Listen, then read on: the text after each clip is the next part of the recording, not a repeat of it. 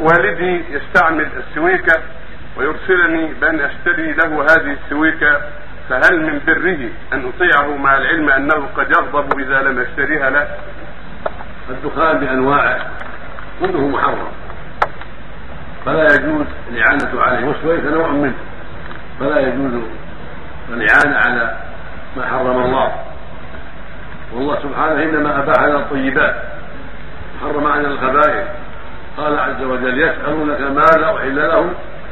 أجاب سبحانه قل أحل لكم الطيبات. فالله إنما أحل الطيبات. وأجمع الأطباء العارفون بالدخان. وأجمع غيرهم من العارفين بالدخان أن الدخان ليس من الطيبات ولكنه من الخبائث المحرمات. وفيه من الأضرار الكثيره ما نبه عليه الأطباء وما عرفه من يتعاطاه. فلا يجوز للولد ان يعين والده على ما حرم الله لا على الخمر ولا على الدخان ولا على الزنا ولا على القمار ولا على غير ذلك. ولكن عليك أن ترد عليه ردا جميلا الكلام الطيب والخلق الكريم.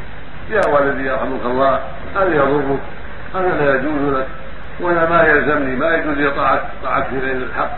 إنما الطاعة في المعروف يقوله النبي صلى الله عليه وسلم إنما الطاعة في المعروف وأنا لا أستطيع أن أطيعك في هذا الأمر. بل هذا إليك. فعلت بنفسك فهذا إليك وأسأل الله أن يعافيك منه وأن يعينك على تركه.